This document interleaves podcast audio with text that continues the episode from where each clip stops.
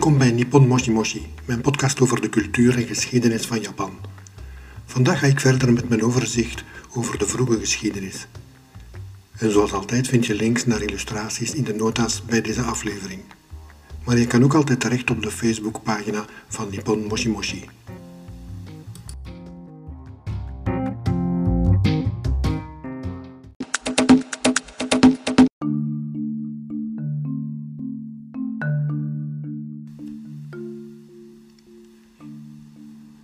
Vorige keer heb ik het gehad over de Kofun-periode, met de opkomst van het Yamato-rijk, dat al bestuurd werd door de voorouders van de huidige keizerlijke dynastie van Japan. De algemeen geaccepteerde datum van het einde van de Kofun-periode is het jaar 538 van onze tijdrekening. Tegen die tijd had het Yamato-rijk al een belangrijk deel van het huidige Japan ingepalmd, gaande van het huidige Kyushu in het zuiden tot de streek waar nu Tokio ligt. De periode waarover ik het deze keer zal hebben, na 538 dus, wordt de Asuka-periode genoemd. Maar wat veranderde er dan eigenlijk om het waard of nodig te maken dat er een specifieke naam kwam voor deze periode in de Japanse geschiedenis? Wel, in 538 is het vroegste tijdstip waarvan men denkt dat het boeddhisme in Japan voet aan wal kreeg. Nog niet direct algemeen in alle lagen van de bevolking, maar zeker binnen de aristocratie, de heersende klasse. Qua bestuurlijke structuur stond in het toenmalige Japan de keizerlijke familie onbetwist helemaal bovenaan de top. Daaronder had je een zich langzaam maar zeker uitbreidende laag van clans die in algemene zin de aristocratie vormde. Het gaat hier meer specifiek om de her en der over het rijk verspreide families van lokale machthebbers, die de overkoepelende heerschappij van de keizerlijke familie accepteerden en voor hen doorgaans ook bestuurlijke en of religieuze taken op zich namen. De keizerlijke familie wist hun trouw of onderwerping vaak af te kopen door hen functies aan te bieden aan het keizerlijk hof, macht te verlenen of te erkennen in de regio waar ze gevestigd waren maar ook wel met regelrechte omkoperij en geweld als het moest. Daarnaast is er het fenomeen dat deze clans een rol te spelen kregen of erin bevestigd werden in het religieuze leven in hun streek. Dit door hen priesterlijke functies toe te kennen binnen de Shintoïstische gewoonten en tradities. Het is voor de keizerlijke familie altijd van belang geweest dat het volk bleef aannemen en geloven dat de keizerlijke familie in zuivere lijn van goddelijke afkomst was wat meteen betekende dat wie tegen hen was, en sterker, wie de familie in vraag stelde of zelfs tegenwerkte, meteen gezien kon worden als iemand die tegen de goden was en tegen wat die goden zelf hebben gewild. Het feit dus dat om doelbewuste politieke redenen het bestaande Shintoïsme werd gebruikt om de keizerlijke familie aan de top en de machthebbers en de machtsstructuren daaronder te legitimeren via aanstellingen tot priester of zo, maakte dat al snel het Shintoïsme meer en meer iets kreeg van een veelgelaagd en complex geheel en minder als het losse samenraapsel van louter lokale gebruiken, zoals het in feite ook wel is. Elke clan had een eigen beschermgod of beschermgoden, de zogenaamde Ujigami. Door het formaliseren van de klanhoofden als zijnde ook religieuze gezaghebbers binnen het religieuze leven in hun regio, kreeg elke klan een vaste, omlijnde plek en status binnen dat lokaal Shintoïsme. Dat werd gezien als een bevestiging van hun macht in hun eigen regio. Tegelijk weerspiegelde die regionale positie ook in zekere zin het gewicht van de klan aan het keizerlijk hof. Het ging al met al om een heel ingenieuze structuur met veel checks en balances die voor zolang er niet echt weerstand kwam en de keizerlijke familie politiek en bestuurlijk alert bleef, veel stabiliteit opleverde in het Japan van die tijd. Ik zei zo pas dat dit werkte voor de keizerlijke familie voor zowel die politiek alert bleef. Dat was niet altijd het geval. In de zesde eeuw was er een klan die zeer snel enorm veel macht en invloed naar zich toe wist te trekken. En dat omdat hij kort samengevat, op politiek vlak in feite geslepender was dan de keizerlijke klan. Het gaat hier om de Soga. De Soga-klan slaagde er op korte tijd in de andere clans te overschaduwen qua invloed aan het hof. De twee belangrijkste vertegenwoordigers van deze clan waren Soga no Inami en daarna zijn zoon Soga no Umako. De Soga slaagden erin hun fortuin op te bouwen en daarmee macht te verwerven door zich op te werpen als de beschermheren of makelaars van bepaalde vaklui. Meer specifiek van inwijkelingen uit Korea en China, die nieuwe kennis en vaardigheden meebrachten naar Japan.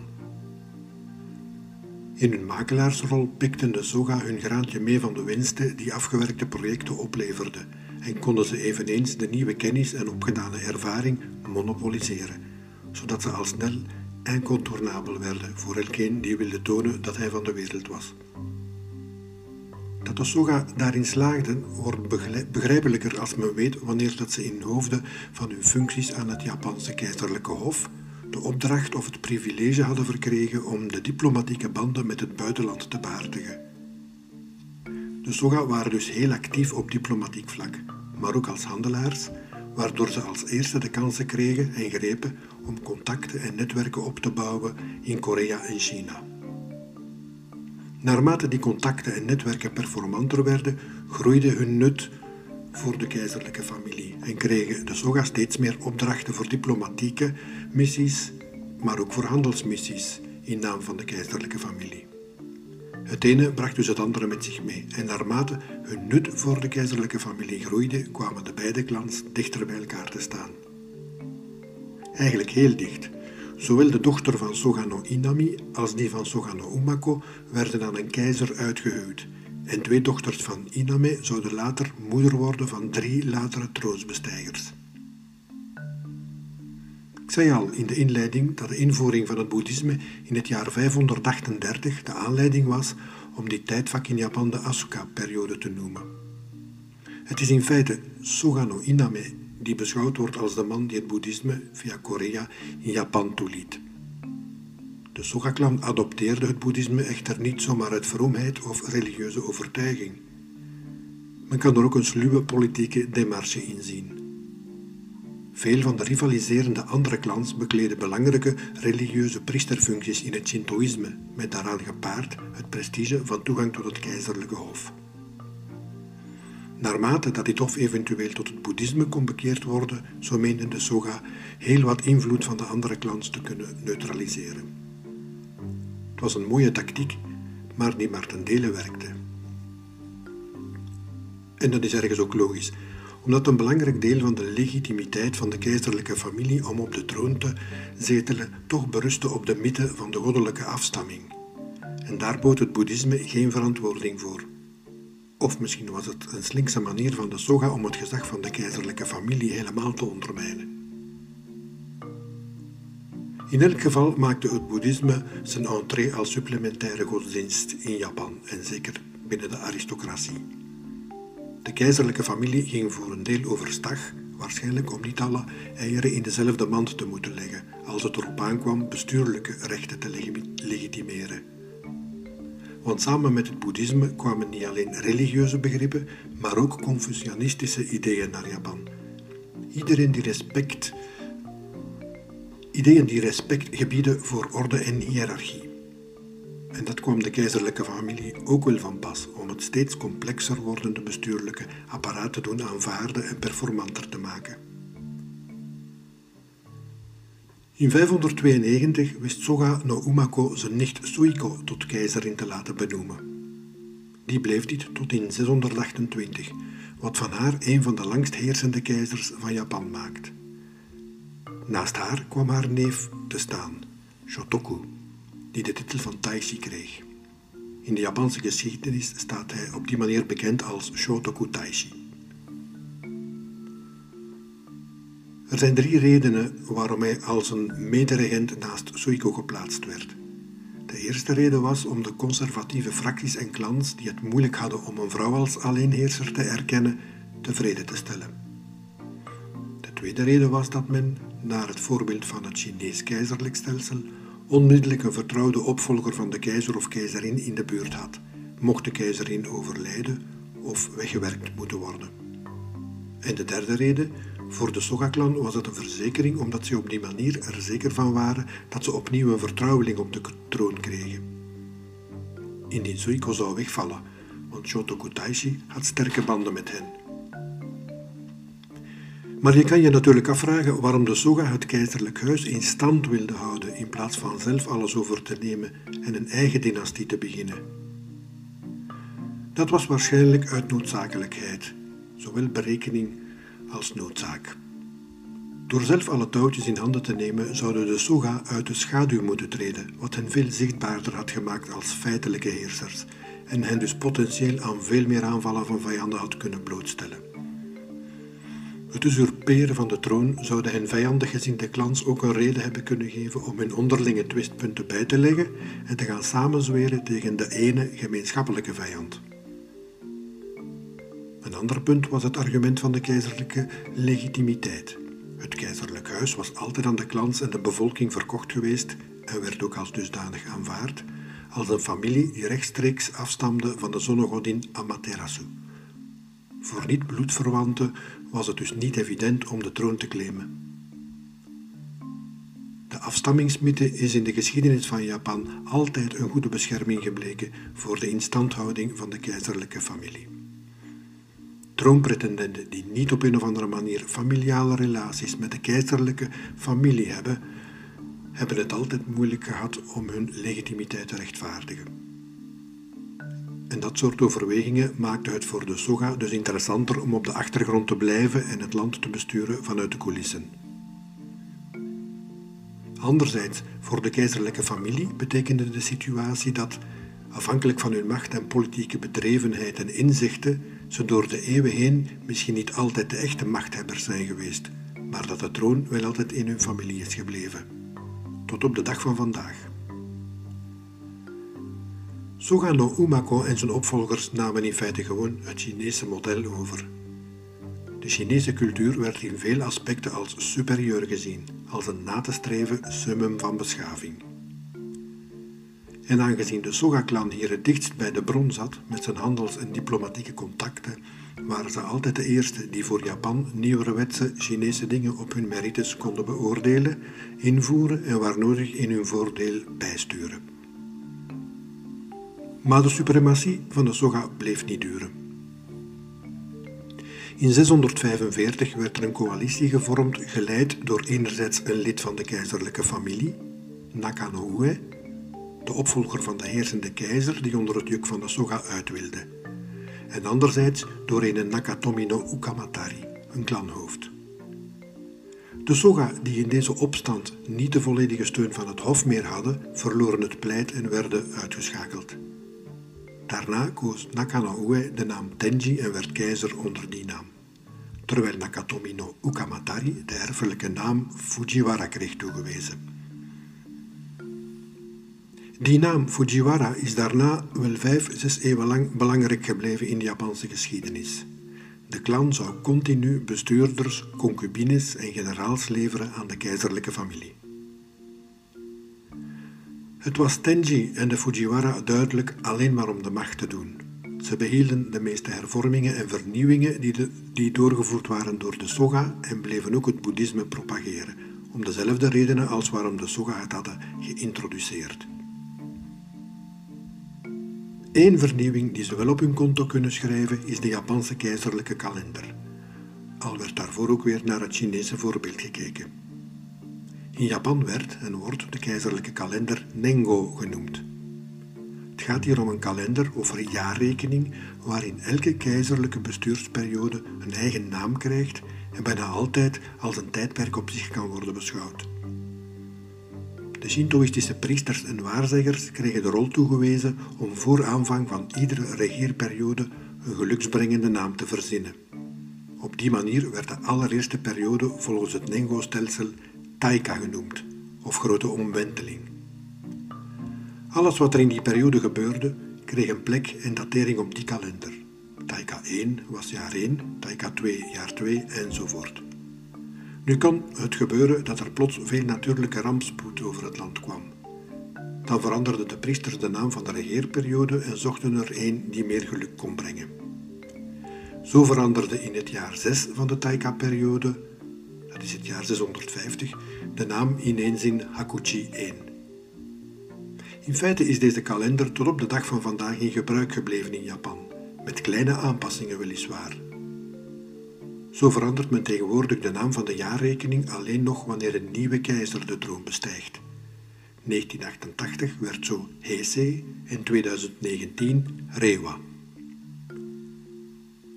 Tenji en zijn opvolgers verankerden hun macht verder nog door een aantal Chinese wetscodes over te nemen en aan te passen aan de Japanse situatie. Die hebben vooral te maken met en hadden als doel greep te krijgen op het grondbezit en belastingen. Er werden corvée-stelsels ingevoerd om keizerlijke gronden te laten bewerken of grote publieke werken uit te voeren. En er kwamen ook vormen van militaire dienstplicht. In essentie gaat het erom dat het bestuur van Japan veel centraler werd.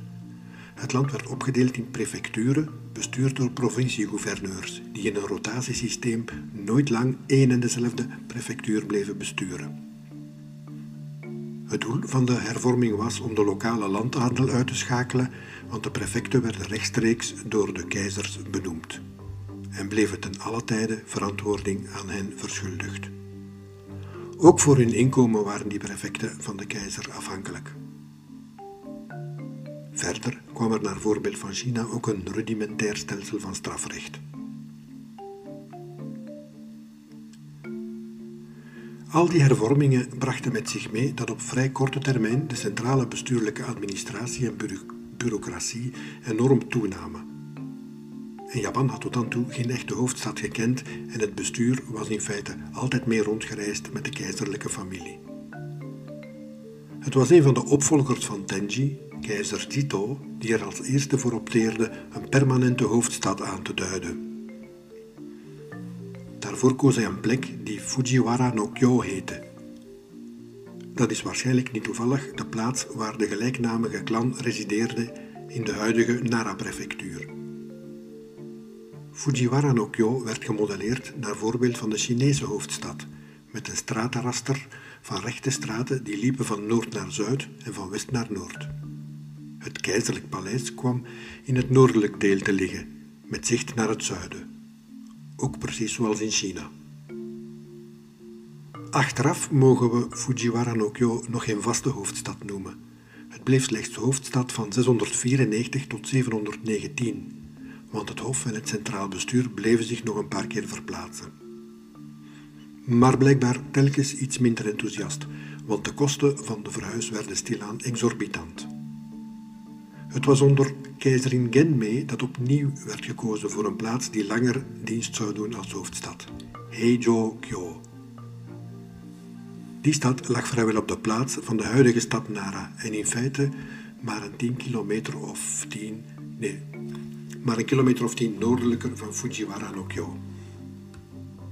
Daarna, in 784, verhuisde de hoofdstad nog een keer naar Nagaoka-kyo, dichter bij het huidige Kyoto en nog eens tien jaar later, in 794, na een mislukte paleisrevolutie, nog een voorlaatste keer naar Heian-kyo of het huidige Kyoto.